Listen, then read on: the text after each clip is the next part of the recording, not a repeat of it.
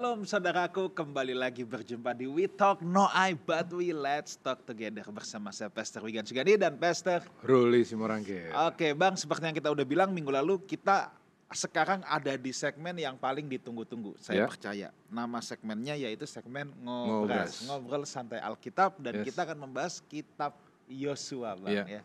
Kitab Yosua dan kita seperti biasa kita nggak cuman berdua Ya. dan kalau ngobras siapa lagi kalau, Kalau bukan, the one and only Ibu, Ibu Rita, Rita Wahyu. Wahyu. Thank you so much Bu udah Selamat menyempatkan malam. Selamat diri malam, Bu. datang. Wigan, Ya, saudara kita pasti bisa belajar bersama-sama. Kita mau bicara tentang Kitab Yosua. Kalau saudara ada pertanyaan, saudara bisa langsung bertanya Heeh. di nomor WhatsApp yang ada di layar kaca saudara ya, yang ada di layar kaca saudara. Bertanya melalui WhatsApp, jangan ada di kolom komentar YouTube. Dan pada malam hari ini yang kita prioritaskan adalah pertanyaan yang berkenaan atau dari kitab Yosua. Jadi kalau saudara tanya tentang penciptaan yang di kitab Kejadian ya, nanti kalau ada waktu kita jawab, tapi most likely tidak ada waktu untuk menjawabnya ya. Dan saya mau menyapa setiap saudara yang menyaksikan acara ini baik yang ada di Jakarta maupun luar Jakarta, baik yang ada di Indonesia maupun yang ada di luar negeri. Saya ucapkan selamat datang, selamat bergabung. Kita mau belajar bersama ya dan juga eh, buka hati saudara kita percaya kita akan diberkati pada malam hari ini. So, kita akan membahas kitab Yosua ya, kitab yang eh, sangat menarik sekali. Ini adalah kelanjutan dari kitab Pentateuch ya, eh, tentang cerita bangsa Israel keluar dari Mesir dan selesainya kepemimpinan Musa seperti kita ketahui itu diteruskan oleh Yosua. Nah, mungkin kita mau tanya-tanya langsung nih Bang. ya, Langsung aja. ke Ibu Rita Wahyu. Bu, Ya. mungkin ada pertanyaan pertama dulu nih Bu ya. Sebelum kita masuk ke sejarah dan ke latar belakang ya. Eh, kenapa bahwa ketika Musa bisa transisi ke Yosua, tetapi setelah Yosua dia kok nggak ada nunjuk satu orang penggantinya gitu Bu? Ya. ya. Ya. Itu gimana tuh Bu kalau menurut Ibu Rita Wahyu? Tampaknya di sini Tuhan tidak mem- tidak secara khusus memilih orang Oke. setelah Musa, Iya. setelah Yosua eh, tidak ada raja yang dipilih untuk memimpin bangsa, tetapi sepertinya itu pemimpinnya bergantian. Oke. Jadi masing-masing suku memiliki tokoh-tokohnya sendiri untuk menjadi hakim-hakim. Jadi Oke. hakim-hakim itu kelanjutan dari kitab Yosua. Oke. setelah Yosua meninggal. Nah, kita selalu bicara Yosua, Yosua, Yosua. Tapi coba kita dengar kira-kira Yosua ini kalau dibahasakan dalam bahasa Ibrani kira-kira apa sih? Yesua. Yehoshua, Yeshua. Yehosua. Iya. Berarti nama yang sama dong dengan Yesus. Iya. Nah, ini yang menarik. Tampaknya kita nggak ini ya, nggak nggak aware dengan itu. Kenapa Yesus, Allah yang inkarnasi memilih nama yang sama dengan Joshua? Iya. Ya.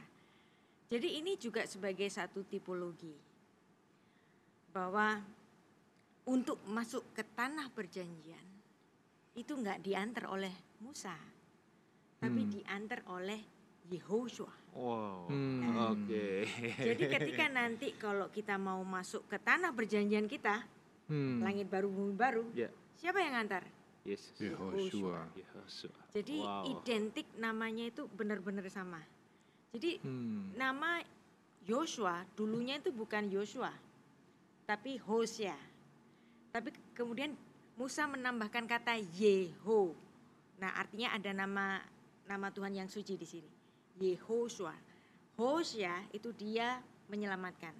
Hmm. Tapi kalau Yehoshua Tuhan yang menyelamatkan. Wah. Nah, ini dipakai sebagai satu tipologi nanti yang akan mengantar umat Allah itu masuk ke tanah perjanjian yang di bumi ini Yosua, Yehoshua. Nanti yang tanah perjanjian kita Yerusalem baru Yehoshua juga.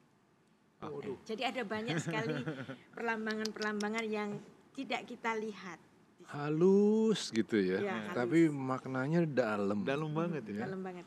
Iya, Iya. iya, Nah, iya. Bu, kalau kita lihat kitab Pentateuch itu kan kurang lebih perjalanan bangsa Israel dari Mesir sampai menjelang masuk tanah Kanaan selama 40 tahun ya Bu ya.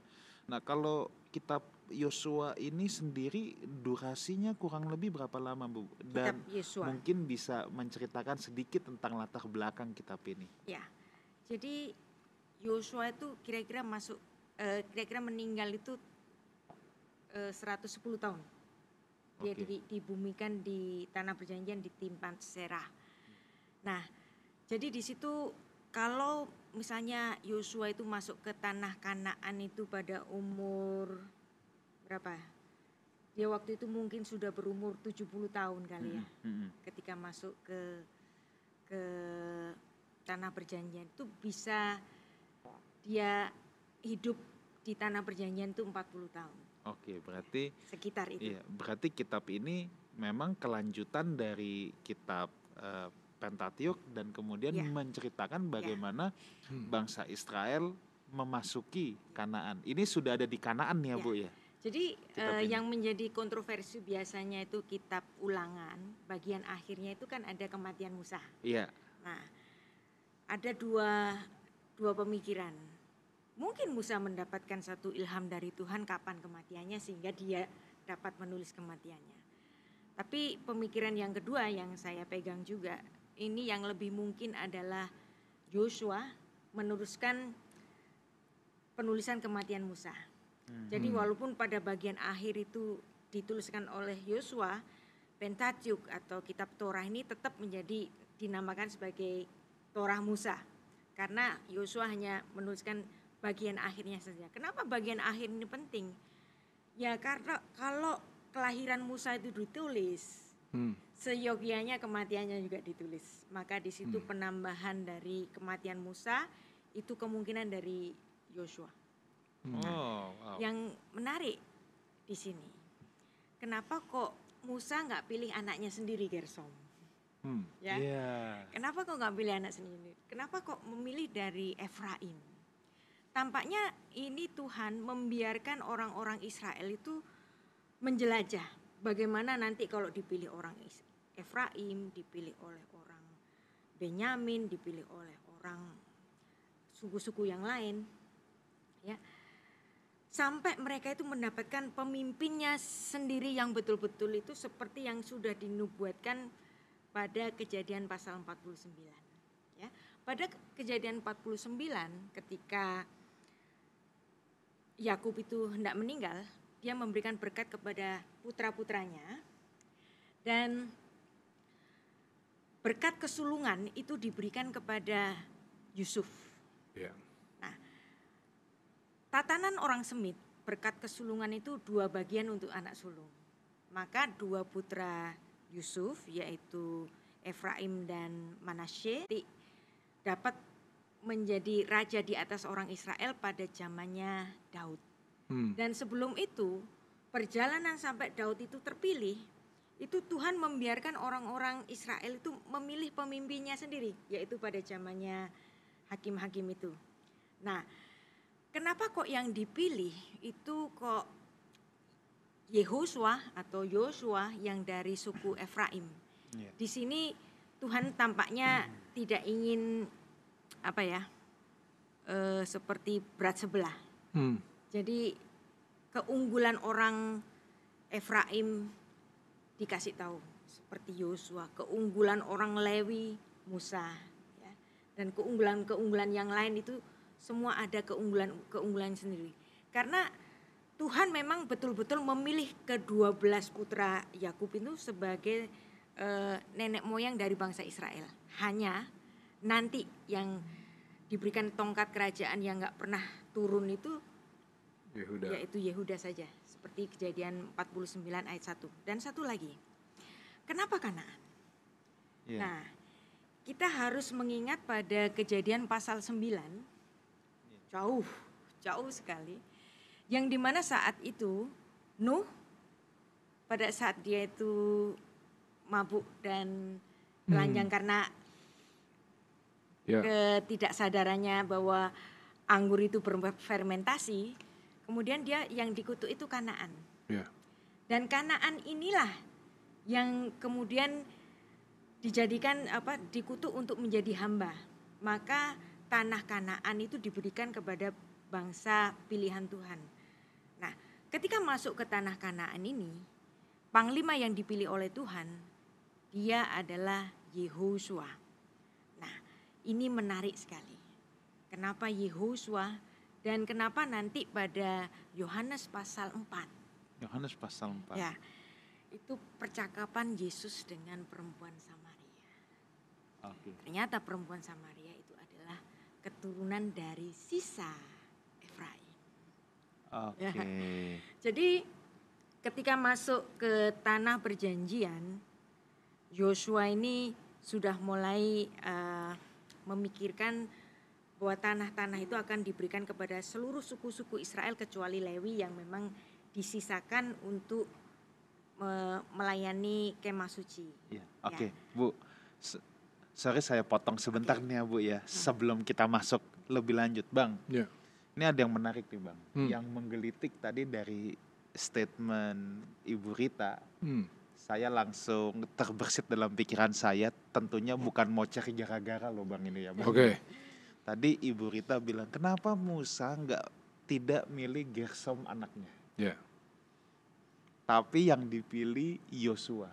Wow, saya langsung, saya terus terang tidak pernah memikirkan ini bang. ya, tapi tadi pas Ibu Rita Wahyu bilang begitu, langsung itu kayak ada yang nonjok di kepala saya bang. Hmm, kenapa?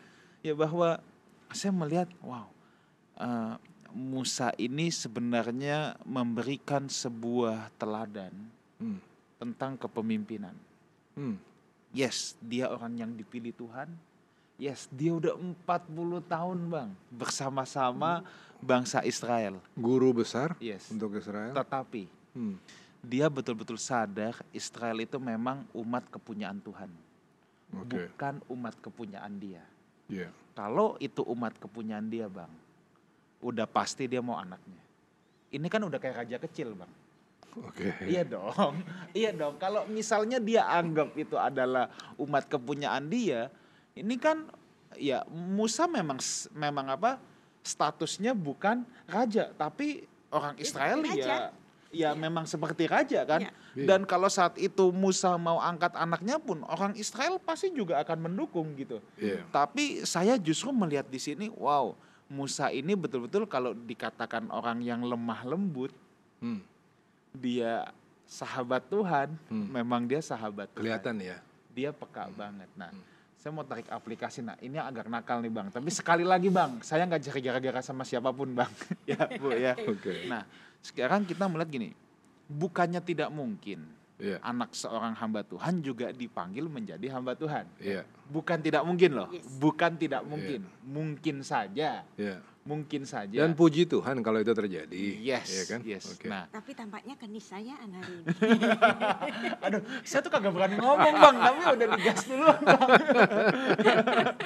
Oke. Nah, ya itu ya itu bang bahwa kita bisa melihat bahwa faktanya di lapangan hari ini saya tidak melihat ada yang berani menyerahkan kepada orang yang bukan darah dagingnya, khususnya di kalangan Pentakosta karismatik. Iya. Ingat sekali lagi saya tidak menyerang siapa pun ya, Iya. saya tidak menyerang siapa pun. Bisa saja, bisa saja bahwa memang anaknya juga dipanggil jadi hamba Tuhan untuk meneruskan, sangat bisa itu. Ya. Tetapi saya kadang-kadang pengen ngeliat sih bang, ada yang khususnya Enggak di Indonesia ini. Enggak lah, enggak lah. Yang kayak Musa gitu, Bang. lah, pengetahuan kita juga kan terbatas kan. Oh iya. Jadi mungkin banyak yang seperti itu kok dan pasti banyak lah. Cuman kita nggak tahu. Tapi kita menyuarakan kekhawatiran. Yes. Jangan-jangan atau malah memperingatkan jangan sampai kan gitu ya kan ya. Jangan Iya. sampai eh, kedudukan ataupun juga gengsi ataupun apa pun yang datang dengan jabatan hamba Tuhan, gembala sidang itu terus jadi apa ya kayak gitu ya. Jangan kita tiru Musa deh. Jangan tiru yang berlaku umum. Yes, yes, ya.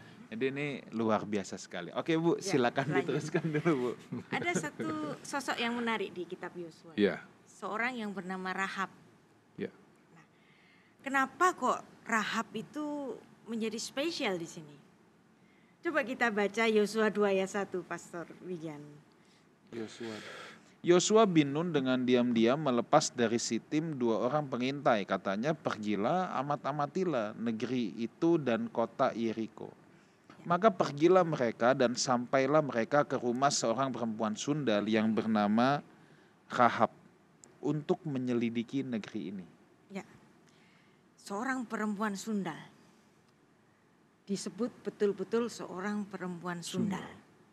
Dan ini menjadi salah satu pahlawan bagi orang Israel karena dia menjagai para pengintai itu ada di rumahnya.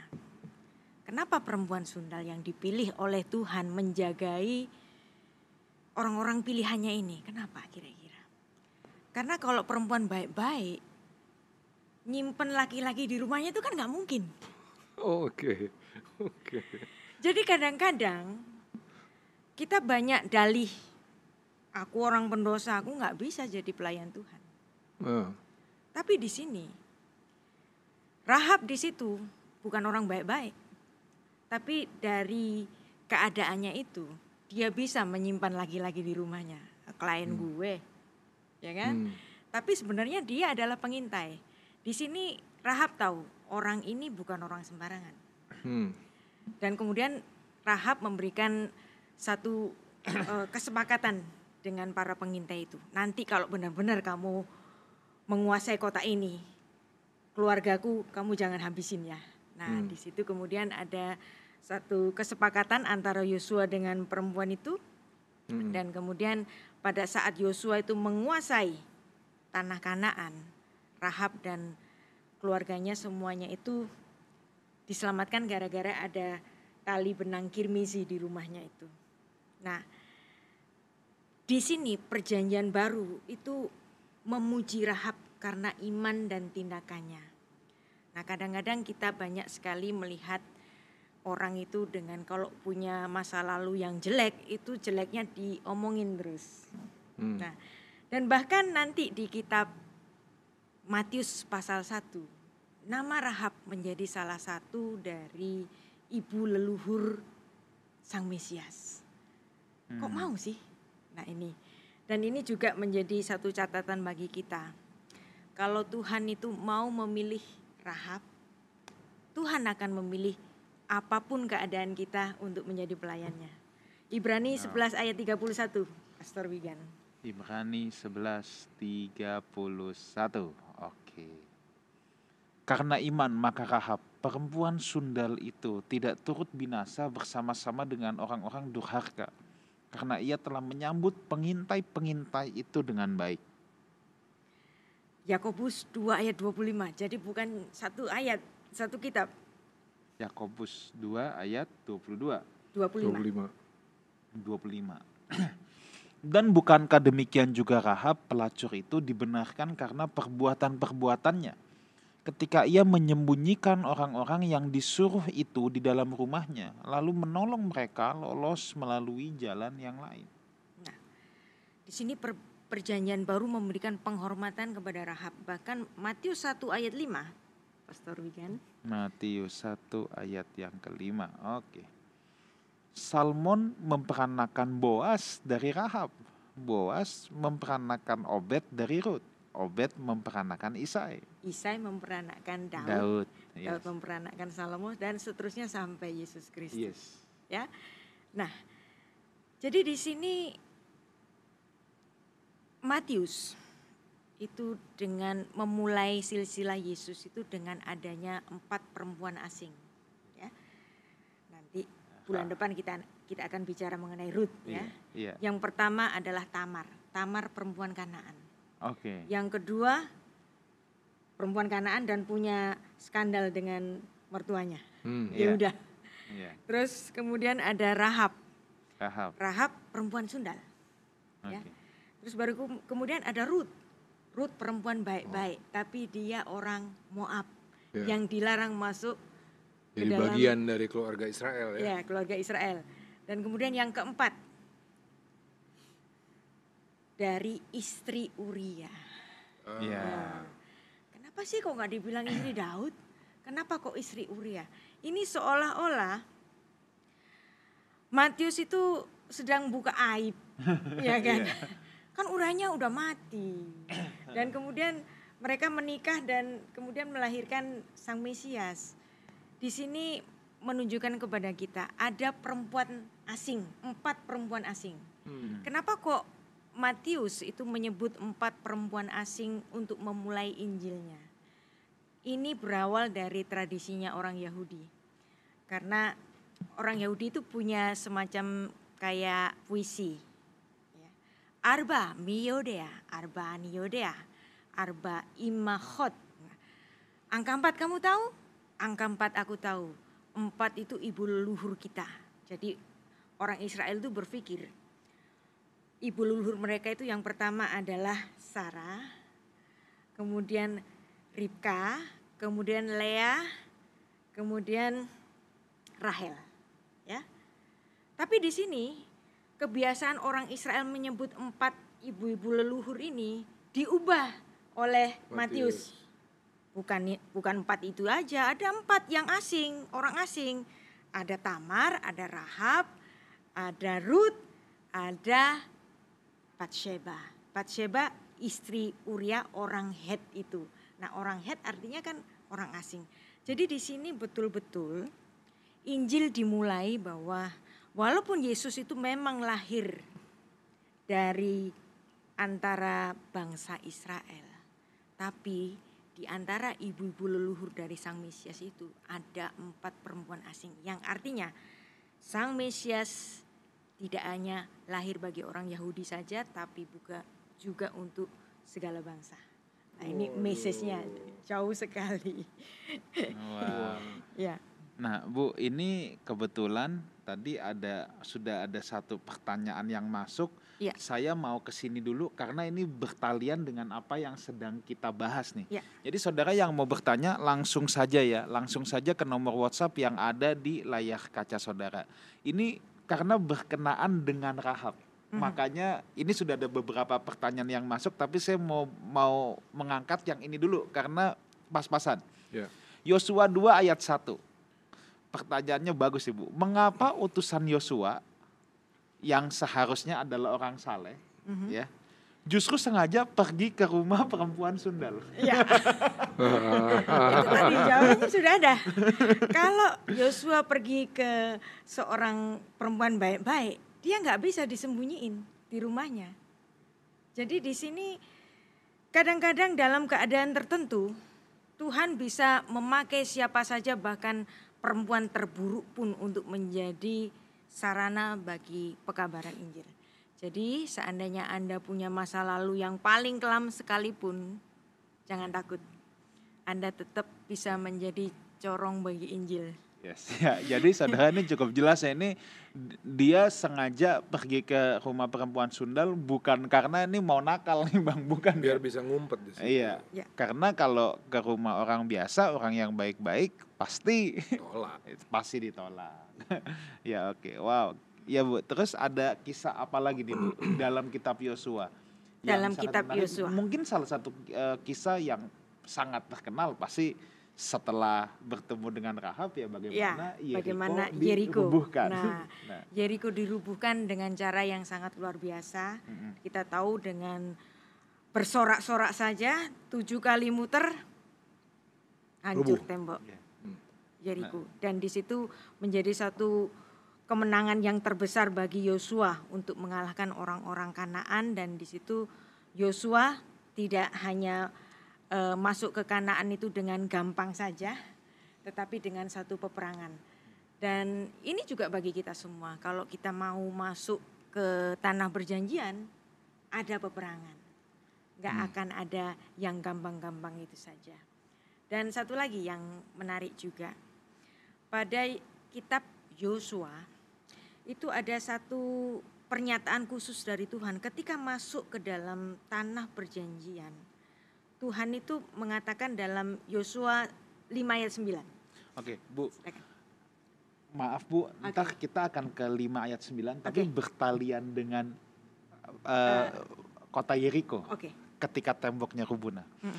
Saya mau tahu apakah Ibu pernah mendengar tafsiran ini juga nih ya Bu ya. Saya saya tuh pernah mendengar nih Bang, Hmm. tafsiran yang cukup menarik. Saya memang eh, belum ketemu sumber tulisannya, tapi saya pernah mendengar seorang hamba Tuhan, saya lupa dia dapat itu dari artikel mana. Mhm. Dia menjelaskan Bu, kenapa tembok Yeriko bisa roboh. kan hari pertama suruh puterin satu, Iya. hari kedua puterin dua. Katanya itu penjelasan ilmiahnya nih ya Bu ya. Oke, Ya, dari resonansi suara. iya. Nah, jadi eh, waktu orang Israel bikin parade, orang-orang Yeriko itu bingung kan, ini ada apa gitu. Di hari ketujuh, ini kan tiap hari ini begini. Oke. Nah, di hari ketujuh, seorang seluruh kota Yeriko naik ke atas itu. Ya. Oke. Dan di situlah memang ada unsur resonansi suara dan tembok itu tidak cukup kuat untuk untuk menahan beban kalau semua orang Yeriko Iya. naik. Nah, jadi mereka itu memang sengaja katanya Tuhan suruh mengelilingi kayak Bikin parade. atraksi. Iya, bikin atraksi jadi orang-orang Yeriko kan bingung. Ya. Ini ada apa nih Hmm. di hari ketujuh? Pik-piknya, puncak-puncaknya, rame-ramenya hancurlah. Saya Tembok setuju, itu. itu penafsiran logis. Iya, iya. Iya. Iya. Oke. Yosua 5 ayat yang ke-9 ya Bu ya. Ya. Dan berfirmanlah Tuhan kepada Yosua, hari ini telah kuhapuskan celah Mesir itu daripadamu. Itulah sebabnya nama tempat itu disebut Gilgal, Gilgal. sampai sekarang. Gilgal. Kalau kita membaca ini dalam bahasa asli atau dalam bahasa Indonesia pun ya, Mm-mm. eh, hari ini telah kuhapuskan celah Mesir oleh sebab itu nama itu disebut dengan Gilgal. Ya. Yang artinya kata Gilgal itu berkenaan dengan penghapusan celah Mesir. Ya. Nah, jadi Gilgal, Gilgal itu arti harfiahnya itu menggelinding. Iya. Jadi seperti bola menggeli- menggelinding. Sebelumnya apa yang dimaksud celah Mesir Bu di sini? Eh, celah di Mesir, mereka hidup tercela dong karena oh, mereka oke tidak oke oke. hidup sebagai Oke. orang yang merdeka. Oke oke mereka oke. hidup sebagai Oke budak. oke oke. Dan iya. itu adalah celah. Oke. Nah, kemudian Yosua 5 ayat 9 ini berkenaan dengan penghapusan celah. Nah, celah itu penghapusan. Jadi penghapusan itu dalam bahasa Ibrani-nya itu galal. Galal itu soresnya gimel lamet lamet. Ya. Terus kemudian gara-gara itu ada penghapusan galal gimet lamet lamet, maka kota itu namanya Gilgal. Nah, ini eh, soresnya juga atau akar katanya itu juga gimel lamet lamet. Jadi kalau Tuhan itu menghapuskan celah, apa formulanya? Gimel lamet Lamet, lamet. lamet. Karena Tuhan itu adalah Hagoel. Karena dia adalah sang penebus yang menggelinding. Jadi bicara tentang sesuatu yang menggelinding. Nah, kalau kita bicara tentang ini satu bahwa Yosua, Yehosua adalah nama yang sama dengan Yesus Kristus. Terus kemudian tempatnya, kira-kira ada nggak nyambung dengan perjanjian baru? Gilgal ini. Kira-kira. Iya. Bukit Tengkorak itu. Golgota. Golgotha. Oke.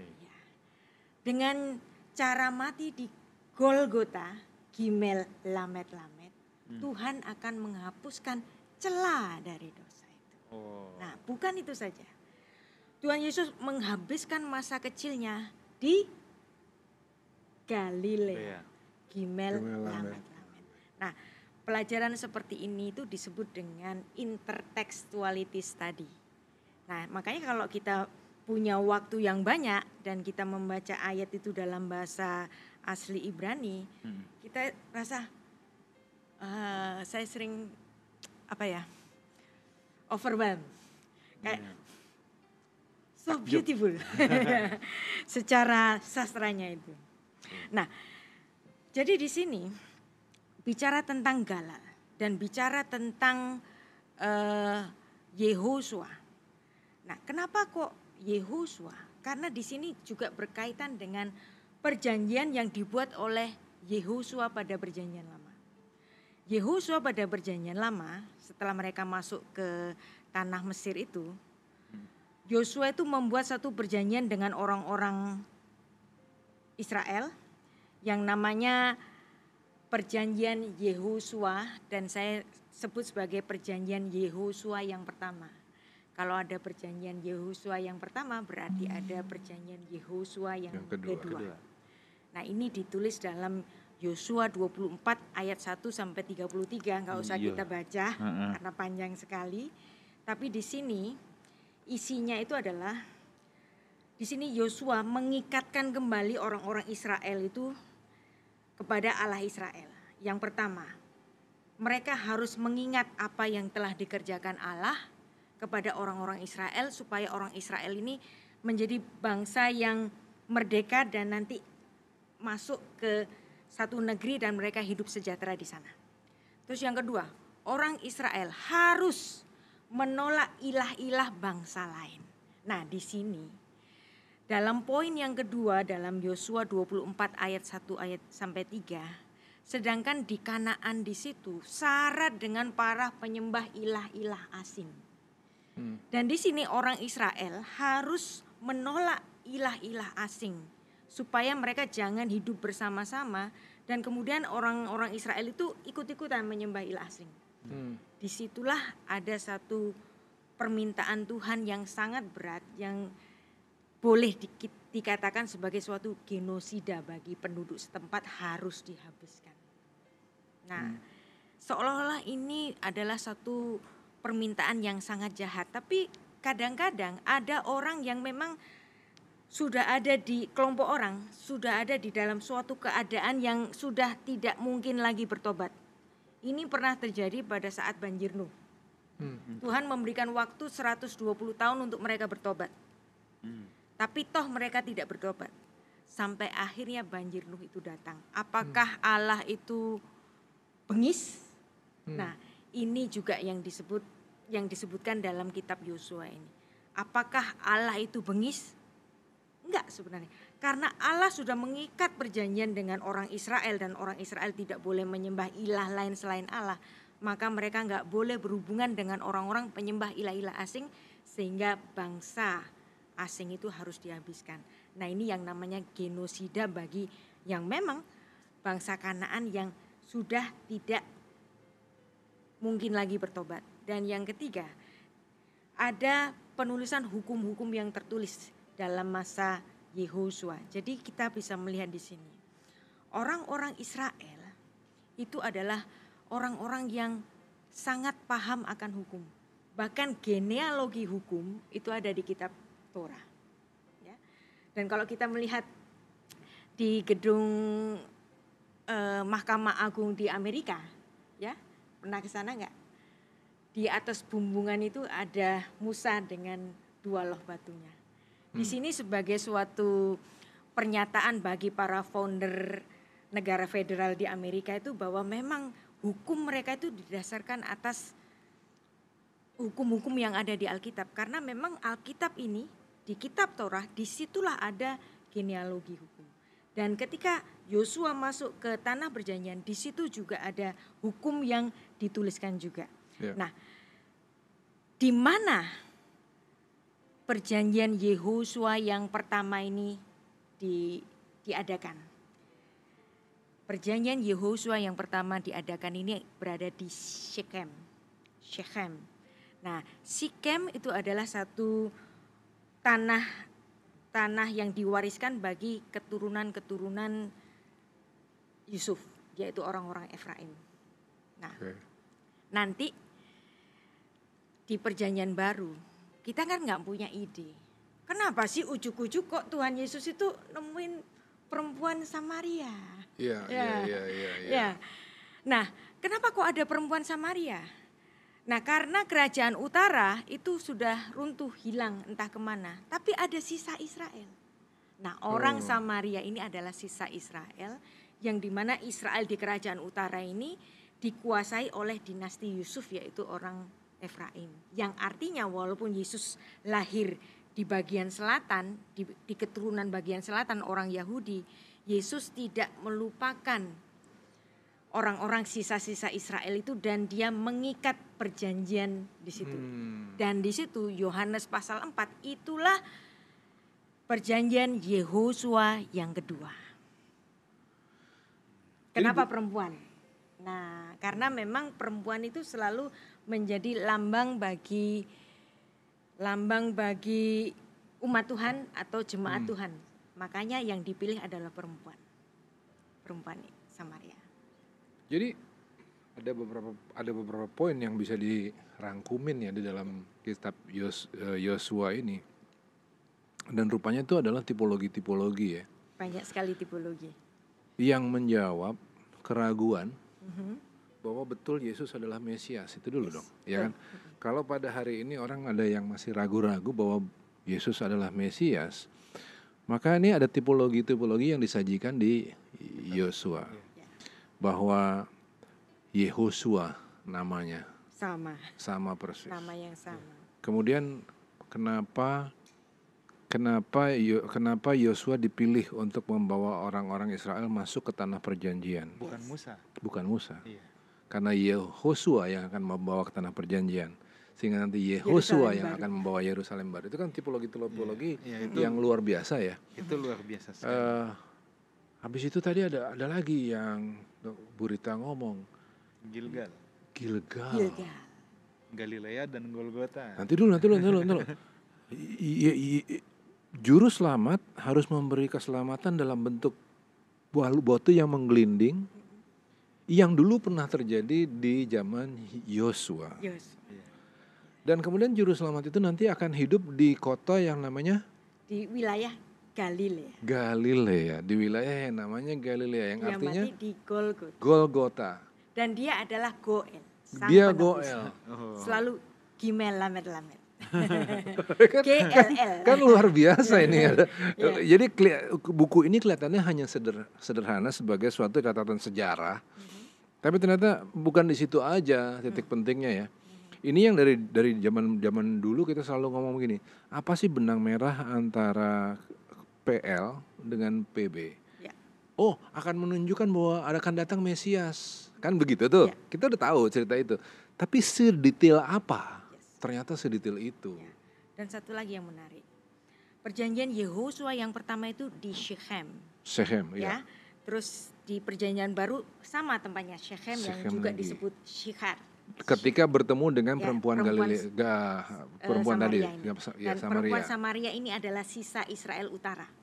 Nah, Iya, kenapa kok Tuhan Yesus memilih tempat yang sama? Dan dia Iya. ada di mana? Dia duduk di sumur Yakub. oke. Dan di sumur Yakub itu di situ tempat di mana tulang-tulang Yusuf itu dikuburkan di situ. Yang tercatat di Yosua ya. Yang tercatat di Oke. Yosua pasal 24. Kenapa Ya. Yesus harus duduk di situ? Iya, iya, iya, iya. Karena Yesus sedang menggambarkan perempuan ini dia adalah Yusuf.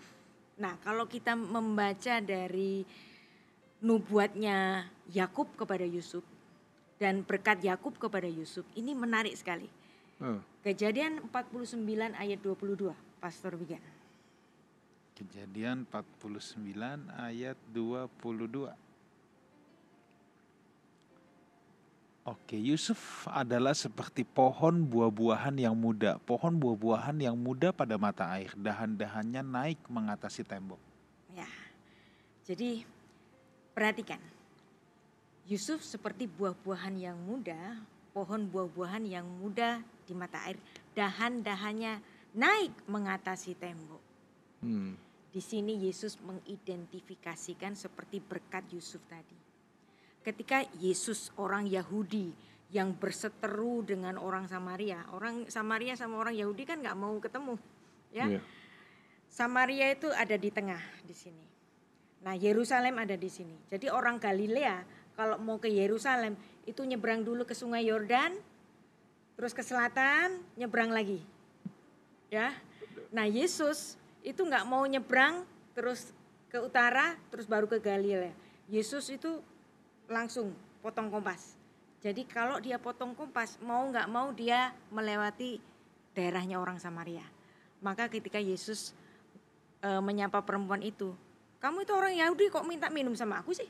Karena Hmm. mereka memang Iya. tidak ini, tidak berhubungan. Tapi di sini sesuai dengan kejadian 49 ayat 22, Yesus mengidentifikasi dirinya itu seperti pohon anggur yang mengatasi tembok. Ya. Nah, ini juga berhubungan dengan apa yang disabdakan Tuhan Yesus dalam Yohanes 14 ayat 1. Akulah pokok anggur yang benar. Di mana pokok anggur itu bisa merambat dan mengatasi tembok. Tembok apa? Perseteruan antara orang Yahudi dengan orang eh, Samaria itu tadi. Nah, di situ ada juga eh, tulang Yusuf di situ. Hmm. Yusuf itu kenapa sih hidupnya dulu itu bagaimana sih? Yusuf waktu mudanya dia sangat susah. Tapi setelah itu dia memberikan berkat. Berkat apa? Berkat kehidupan. Dan itulah yang Tuhan Yesus katakan, kamu kan keturunan Yusuf toh? Kamu nanti akan jadi Yusuf. Kamu sekarang siang-siang nimba air sendirian. Ya. Nimba air sendirian kenapa? Karena kamu nggak punya pembantu. Sehingga kamu harus menimba air buat kamu sendirian. Di rumahmu ada laki-laki yang bukan suamimu. Nah, ini menarik sekali.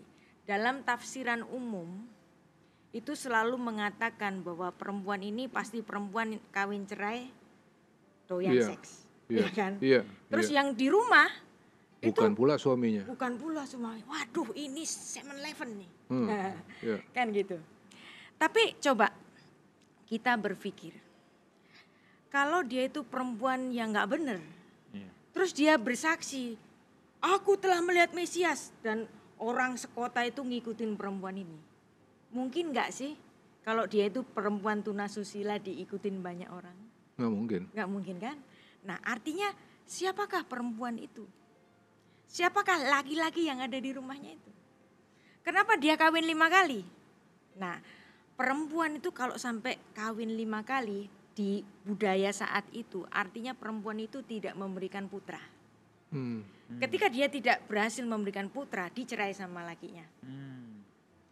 Kamu mandul, kamu akara. Jadi kamu seperti perempuan mati. Terus kemudian dia mencari cinta, menikahlah dia lagi, nggak punya anak lagi, dicerai lagi sampai lima kali. Yang artinya perempuan ini ada di dalam kesengsaraan. Jadi perempuan yang nggak punya anak itu adalah orang yang paling sengsara untuk masyarakat saat itu. Nah apalagi perempuan ini menimba sendirian, yang artinya dia harus menghidupi dirinya sendiri yang di rumahnya ada laki-laki yang bukan suami dari perempuan ini. Sekarang siapa laki-laki itu? Iya, ngapain dia di rumahnya? Nah, ngapain tidur di rumahnya? Apakah itu pacarnya? Kita Hmm. selalu mikir itu pacarnya Hmm. kan. Gimana kalau yang di rumah itu adalah bapaknya yang sudah tua? Bukankah itu juga laki-laki dan bukan suaminya? Bukan suaminya. Ya. Bagaimana kalau si laki-laki itu ternyata adiknya yang cacat? Hmm. Atau bahkan orang yang sama sekali bukan siapa-siapa yang kemudian dia Dia menolongnya, urus. dia urus sampai ada di rumahnya. Hmm. Dan orang sekota tahu apa yang dilakukan perempuan ini pada si laki-laki itu. Oke. Nah, ketika bicara-bicara, perempuan ini sangat tahu tentang kitab Torah, Iya, yang artinya dia pembelajar. iya, Ya? iya. Iya. Dan di situ ada percakapan teologis kan dengan Iya. Yesus. Aku Jadi- tahu bahwa Mesias akan datang. Tiba-tiba dia nyambung ke situ Iya, nih bisa perempuan. nyambung ke Iya. situ. Dan Tuhan Yesus mengatakan nanti pada saatnya engkau tidak akan lagi melihat orang beribadah di gunung itu, di Iya. gunung ini dan gunung itu. Iya. Ini adalah gunung Gerizim yang memang orang-orang Samaria itu beribadah di situ di dikontraskan dengan orang Yahudi yang beribadah di gunung Sion. Iya. Yang artinya di sini menunjuk pada si perempuan adalah seorang yang taat beribadah Hmm. Oke. ya. Nah kemudian dia mengatakan, sekarang nggak ada lagi kiblat, Hmm. akulah dia, ya. Ada saatnya nanti ada true worshipper yang menyembah dalam roh dan kebenaran. Tuhan, Tuhan kan mengatakan begitu. Sekarang nggak ada kiblat-kiblatan, bukan di Gunung Gerizim, bukan di Gunung Sion, tapi aku kiblatnya. Nah, terus kemudian perempuan ini menjadi terperangah. Engkaukah Mesias itu? Kemudian Tuhan Yesus mengatakan, akulah, Akulah dia yang dia." sedang berkata-kata dengan engkau. Ya. Lalu kemudian apa yang terjadi? Dia pergi ke kampung. Perempuan ini lari pergi ke, ke kampung manggil semua orang-orang itu aku sudah menemukan sang Mesias Iya. dan orang sekampung mau ngikutin perempuan ini. Hmm. Coba kalau dia itu memang seorang perempuan sundal Hmm. yang doyan kawin cerai, Hmm, nggak yang mungkin pelakor, Hmm. kawin lima kali, Hmm. apakah mungkin dia itu eh, penduduk sekota itu berbondong-bondong untuk mengikuti ajakan perempuan ini? Dan perempuan ini adalah gambaran dari Yusuf yang pada mulanya itu dia hidup menderita, justru pada akhirnya dia memberikan kehidupan bagi berita kehidupan bagi orang-orang sekotanya. Oke. Wah, kita nampaknya harus masuk ke wah, wah, wah. Ke Tapi tanya jawab lagi nih, pengen Bang. dengar cerita lagi nih tentang ini. Oke oke oke. Kalau Kita tanya jawab. apa Yohanes pasal yang keempat itu ya Bu ya. Iya. Iya. Ini intermeso sedikit nih Bang. Ya, Saya takjub ketika Tuhan bilang akulah dia. Hmm. Kepada orang Yahudi sendiri Yesus suka sembunyi-sembunyi. Iya. ya kan? Ke yang Tapi ini ngomong. untuk orang Samaria dia, dia, sangat langsung. berterus terang. Akulah dia. Wah. dan keselamatan itu dari bangsa Yahudi. Kenapa? Yes. Karena Iya. memang orang orang Samaria tidak mengakui din- dinasti Daud. Iya. Orang Samaria kan keturunannya Efraim. Nggak bisa. Orang kita itu yang menerima hak kesulungan kok. Iya. Tetapi untuk keselamatan kamu harus membaca kitab suci yang memang kejadian sem- 49 ayat 10 itu memang diberikan kepada Yehuda. Iya. Maka keselamatan dari bangsa Yahudi. Oke. Saya pernah dengar ada orang Iya, ngomong gimana? bahwa perempuan ini kan datang ke sumurnya kan sendirian dan siang-siang. Siang, siang, Waktu orang-orang lain nggak ada, perempuan-perempuan lain nggak ada. Itu karena si perempuan itu nakal gitu. Iya, karena dia malu.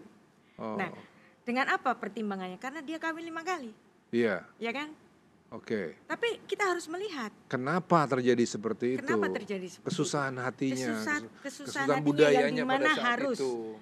yang di mana dia harus ngurusin si laki-laki ini, ya kan? Ya, saya ngeliat beberapa poin sih. Pertama, oke lah, katakan katakan dia kawin banyak Kawin kali lah, yang Ya. sampai hari ini pun kondisi seperti itu nggak bisa diterima ya. Yes. Katakan seperti itu.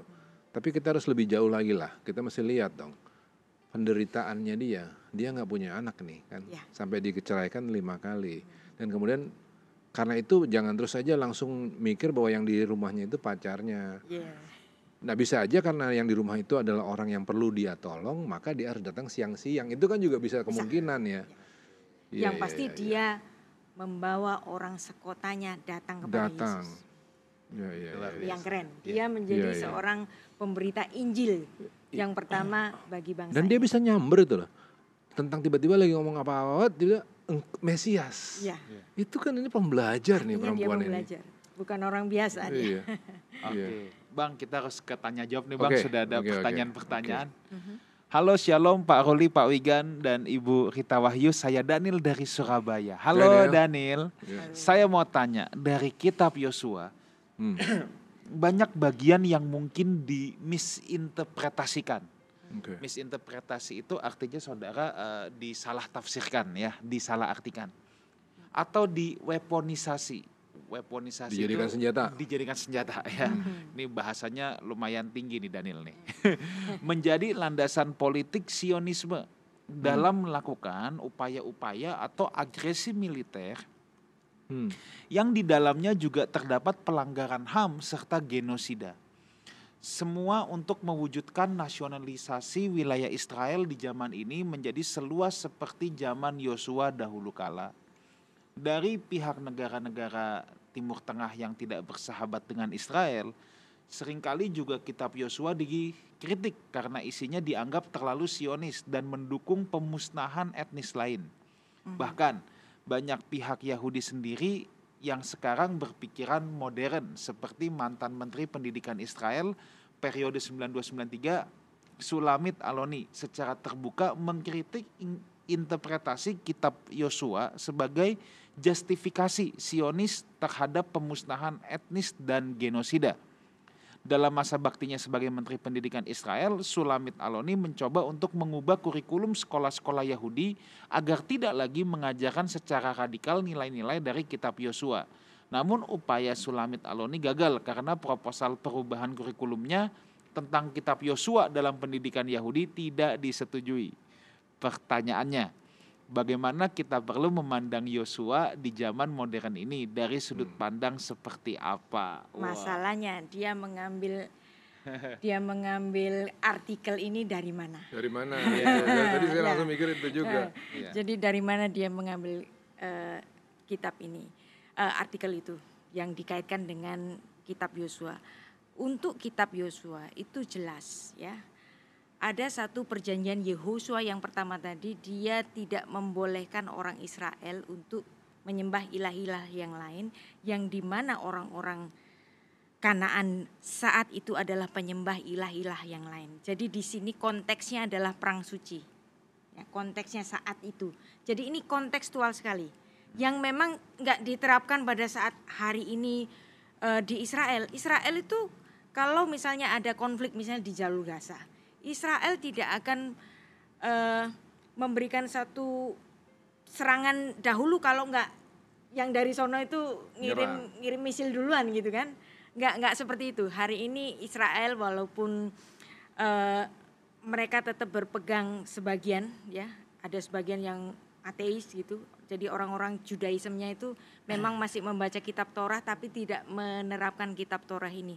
Bahkan kalau kita melihat orang Israel eh, pemerintah Israel hari ini itu sangat men- mengayomi agama-agama lain termasuk kalau kita ke Haifa itu ada eh, makam eh, Bahai, ada kuil Bahai itu itu sangat dilindungi sekali di situ. Jadi di sini persoalannya bukan kitab Yosua yang diterapkan pada Israel modern hari ini. Israel modern hari ini bukan negara agama. Israel modern hari ini adalah negara sek- sekuler yang menghormati eh, hak-hak asasi manusia. Jadi nggak barbarian. Jadi nggak barbarian sekali seperti zamannya eh, orang-orang yang tidak berhukum. Termasuk pada zaman Yosua sekalipun, siapakah yang ditumpas saat itu? Mereka adalah golongan orang yang nggak bertobat. Makanya tadi saya memberikan satu eh, paralelisme dengan apa yang terjadi dengan banjir Nuh pada saat banjir Nuh. Tuhan memberikan waktu untuk bertobat, tapi 120 tahun itu mereka tidak bertobat. Akhirnya apa? Ya dibunuh. Demikian juga orang-orang Kanaan saat itu yang tidak mungkin berbalik untuk menyembah Allah Israel, bahkan mereka mengajukan ilah-ilahnya sendiri berdampingan dengan orang Israel. Ini nggak boleh. Kenapa ini harus dijaga? Karena Israel harus pure penyembah Allah Israel karena di situ nanti Sang Mesias itu datang. Kan nggak mungkin nanti Sang Mesias itu Sang Mesi- Mesias itu datang di antara para penyembah berhala. Bagaimana dia akan mengatakan bahwa aku adalah Allah yang benar dan lahir di antara kalian hari ini? Penyembah Nggak berhala. mungkin. Nggak mungkin. Ya, nggak mungkin. Maka sang mes, sang Mesias harus lahir di antara orang-orang yang sudah mengenal Allah itu sendiri. Ya. Jadi ini konteksnya sangat berbeda sekali. Iya. Dan saya yakin artikel tadi tidak berasal dari artikel yang yang yang fair. Iya, oke. Itu berasal dari sebelah pasti. Oke. Iya. Jadi kalau kalau dikaitin sama cerita ini Daniel juga mesti ngerti ya bahwa kalau tadi ada perintah genosida ya perjanjian genosida segala macam itu nggak pernah diarahkan kepada agama tertentu loh. Iya. Nah hari ini di- diolah sedemikian rupa seolah-olah perintah genosida itu adalah kepada suatu agama tertentu enggak loh. Iya. Enggak. Ya. Oke. Bahkan dulu itu penghuni Kanaan pertama itu juga bukan orang-orang sebelah itu, orang lain dari tempat Belum lain. lahir lagi. Belum lahir yang sebelah sini ya. Iya. Itu kan orang lain dari dari kereta atau dari mana itu Iya. nggak ada urusannya sama sama agama-agama apa pun yang sekarang kita kenal gitu. Jadi konteks perang bagi Israel zaman Yosua adalah perang suci yang melawan penyembah-penyembah berhala. Ya. Oke. Oke. Nah, kalau Jelas. dilanjutin tadi, tadi pertanyaannya Daniel kan dilanjutin. Terus bagaimana kita meng- harus mengartikan Kitab Yosua pada hari ini? Iya. Kalau dilepas ya, harus lepas dulu dari Zionisme ya. Zionisme ini bahan politik yang nggak habis-habis sih. Iya. Nah, kalau kita kembali kepada nafas Alkitab, kitab Yosua ini nunjukin banyak sekali kualitas atau ciri-ciri dari Mesias yang akan datang yang kemudian dipenuhi oleh Yesus sebagai Mesias. Itu isinya. Oke. Oke. Bahkan apa yang pernah dilarang oleh Tuhan. Orang Moab Iya. ya nggak boleh masuk ke dalam jemaat Israel. Pada akhirnya Ruth sendiri orang Moab menjadi bagian dari Israel. Nah ini Iya. minggu depan, Iya, eh bulan, depan, Bulan depan. Iya, kita akan belajar mengenai Ruth. Iya. Yang artinya sebenarnya ada kesempatan bagi bangsa-bangsa lain di antara bangsa Kanaan itu untuk menjadi penyembah Allah Israel dan menjadi bagian dari jemaat. Persyaratannya apa Bu? Untuk bisa itu kita omongin bulan depan. Nah, betul. Oke. Betul. Oke, next question nih. Ini juga menarik nih Bu. Yosua 10 ayat 12 sampai 13. Mhm. Apakah yang dimaksud memberhentikan matahari? Apakah waktu berhenti atau hal ini hanya mitos? Karena secara ilmu pengetahuan hal ini tidak mungkin dan menjadi seperti dongeng. Hmm. Mungkin Ibu ada penjelasannya Bu tentang Adakah yang mustahil bagi Allah? Oke. Nah, tapi kenapa istilahnya itu kok matahari berhenti? Iya. Nah, ini kan memang konteks waktu itu. Ya, konteks waktu itu bumi datar, ya, dan eh, ge- helios eh bukan geosentris, ya, geosentris. Jadi bumi ini sebagai se- sentrisnya. Nah, kalau hari ini pemikiran hari ini bumi yang berputar kan, bukan bukan matahari, tapi matahari yang dikatakan berhenti. Kenapa? Karena memang konteks waktu itu. Nah, itulah sebabnya Tuhan itu untuk urusan-urusan yang sains itu dibiarkan manusia itu nanti dengan akal budinya itu akan menemukan sendiri dari waktu ke waktu. Misalnya kalau zaman dahulu, kenapa kok incest dilarang tanpa ada penjelasan apa pun? Karena waktu itu ilmu tentang genetika resesif gen lawan dominan gen itu belum ditemukan. Jadi langsung aja nggak boleh kawin antar saudara. Kawin ibu dengan anaknya sendiri juga nggak boleh. Kenapa? Karena itu nanti ada ada konflik resesif gen lawan dengan dominan gen atau atau gen-gen yang lain yang bisa membuat anak-anak itu menjadi cacat.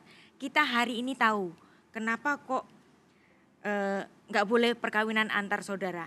Pada zaman Musa makanan ini dilarang, makanan itu dilarang. Sekarang kita tahu bahwa yang semua yang dilarang ternyata itu mengandung kolesterol, asam urat dan lanjut-lanjutnya.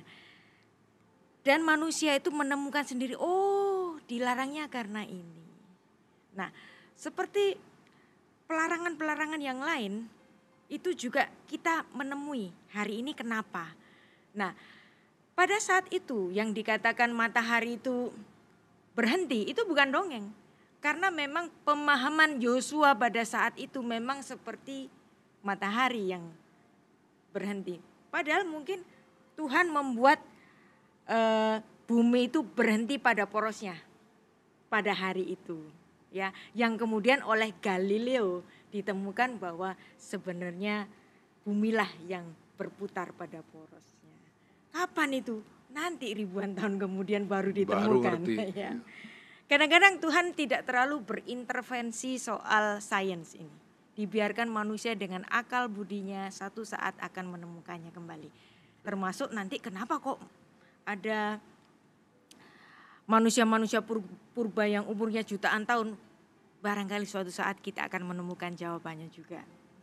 Pastor Wigan. Oke. Jadi bukan mitos, tapi pemahaman Joshua saat itu yang memang Masih terbatas di terbatas. situ. Ya, Oke baik. Oke satu pertanyaan terakhir. Ya. Yosua 1 ayat yang ke-8. Wah, ini ayat yang sangat terkenal ya. Ya. Semua Hmm. udah hafal luar kepala nih. Pasti ya. Apakah bicara tentang kemakmuran materi? Lalu, apakah masih berlaku hingga hari ini? Eh, Oke, Yosua 1 ayat Dan- 8. Dibaca dulu dong. ya, oke, ini Yosua 1 ayat 8 ya? iya. Janganlah engkau lupa memperkatakan kitab Taurat ini, tetapi renungkanlah itu siang dan malam, supaya engkau bertindak hati-hati sesuai dengan segala yang tertulis di dalamnya. Sebab dengan demikian perjalananmu akan berhasil dan engkau akan beruntung. Beruntung Kata siapa sih untung yang ini mau beruntung? Kiranya Iya. profit, Iya. dapat gain kalau beli saham. Sebenarnya Yosua 1 ayat 8 ini adalah kelanjutan dari mandat Shema. Hmm. Jadi belajar merenungkan firman Tuhan sebagai the highest worship bagi orang-orang Israel. Hmm. Nah, keberuntungan itu tidak selalu berupa materi tentu saja, tetapi jaminan bagi seluruh kehidupan kita yang tidak hanya materi. Ya, jadi kuncinya itu kan renungkanlah siang, Siang dan dan malam. Nah ini kan memang banyak jadi masalah nih bu. Ya. Merenungkan tuh gimana? Hmm, gitu apa Ya. sih maksud merenungkan? Nah ini barusan Bu Rita sampaikan. Merenungkan itu adalah bagian dari kata shma. Ya, melihat. Pelajari, Ya. perdalam, kasih makna. Bahkan lewat pembelajaran terhadap firman Tuhan kemudian akan terbentuk cara berpikir yang filosofis. Filosofis yang agamawi, yang sesuai dengan Alkitab. Bukan cuma yang humanistik kayak gitu kan. Mhm, Ya, Itu yang disebut dengan eh, merenungkan kitab suci. Nah, ketika kita merenungkan kitab suci, kita akan disebut sebagai orang-orang yang berhasil. Kenapa? Karena belajar itulah yang menjadi ibadah yang terutama. Oke, baik. Itu. Thank you Ibu Rita. Kita sudah Sama-sama. di penghujung acara. Thank you Hmm. so much. Kita sudah belajar bersama-sama. Mungkin ada closing statement dulu dari Ibu Rita tentang kitab Yosua ini. sepanjang satu jam kita sudah mempelajari kitab Yosua yang walaupun kita anggap sebagai kitab sejarah saja, tetapi di sana banyak sekali ter- terdapat lambang-lambang tipologi-tipologi yang ada hubungannya dengan perjanjian baru. Hmm. Siapa pernah mikir sih ternyata kitab Yosua ini ada hubungannya dengan percakapan Yesus Kristus pada Yohanes pasal 4 dengan perempuan Samaria itu. Nah, inilah pentingnya bagi kita untuk belajar terus-menerus bukan hanya sekedar memandang Alkitab sebagai buku sejarah saja tetapi juga ada lambang-lambang dan perwujudan janji Allah terhadap Allah yang inkarnasi yang memberikan keselamatan yang akan mengantar kita nanti pada Yerusalem baru. Siapa namanya? Sama-sama Yehosua. Bang, ada Wow. closing statement, Bang? Closing statementnya apa lagi dari saya ya? Udah diambil semua sama Bu Rita.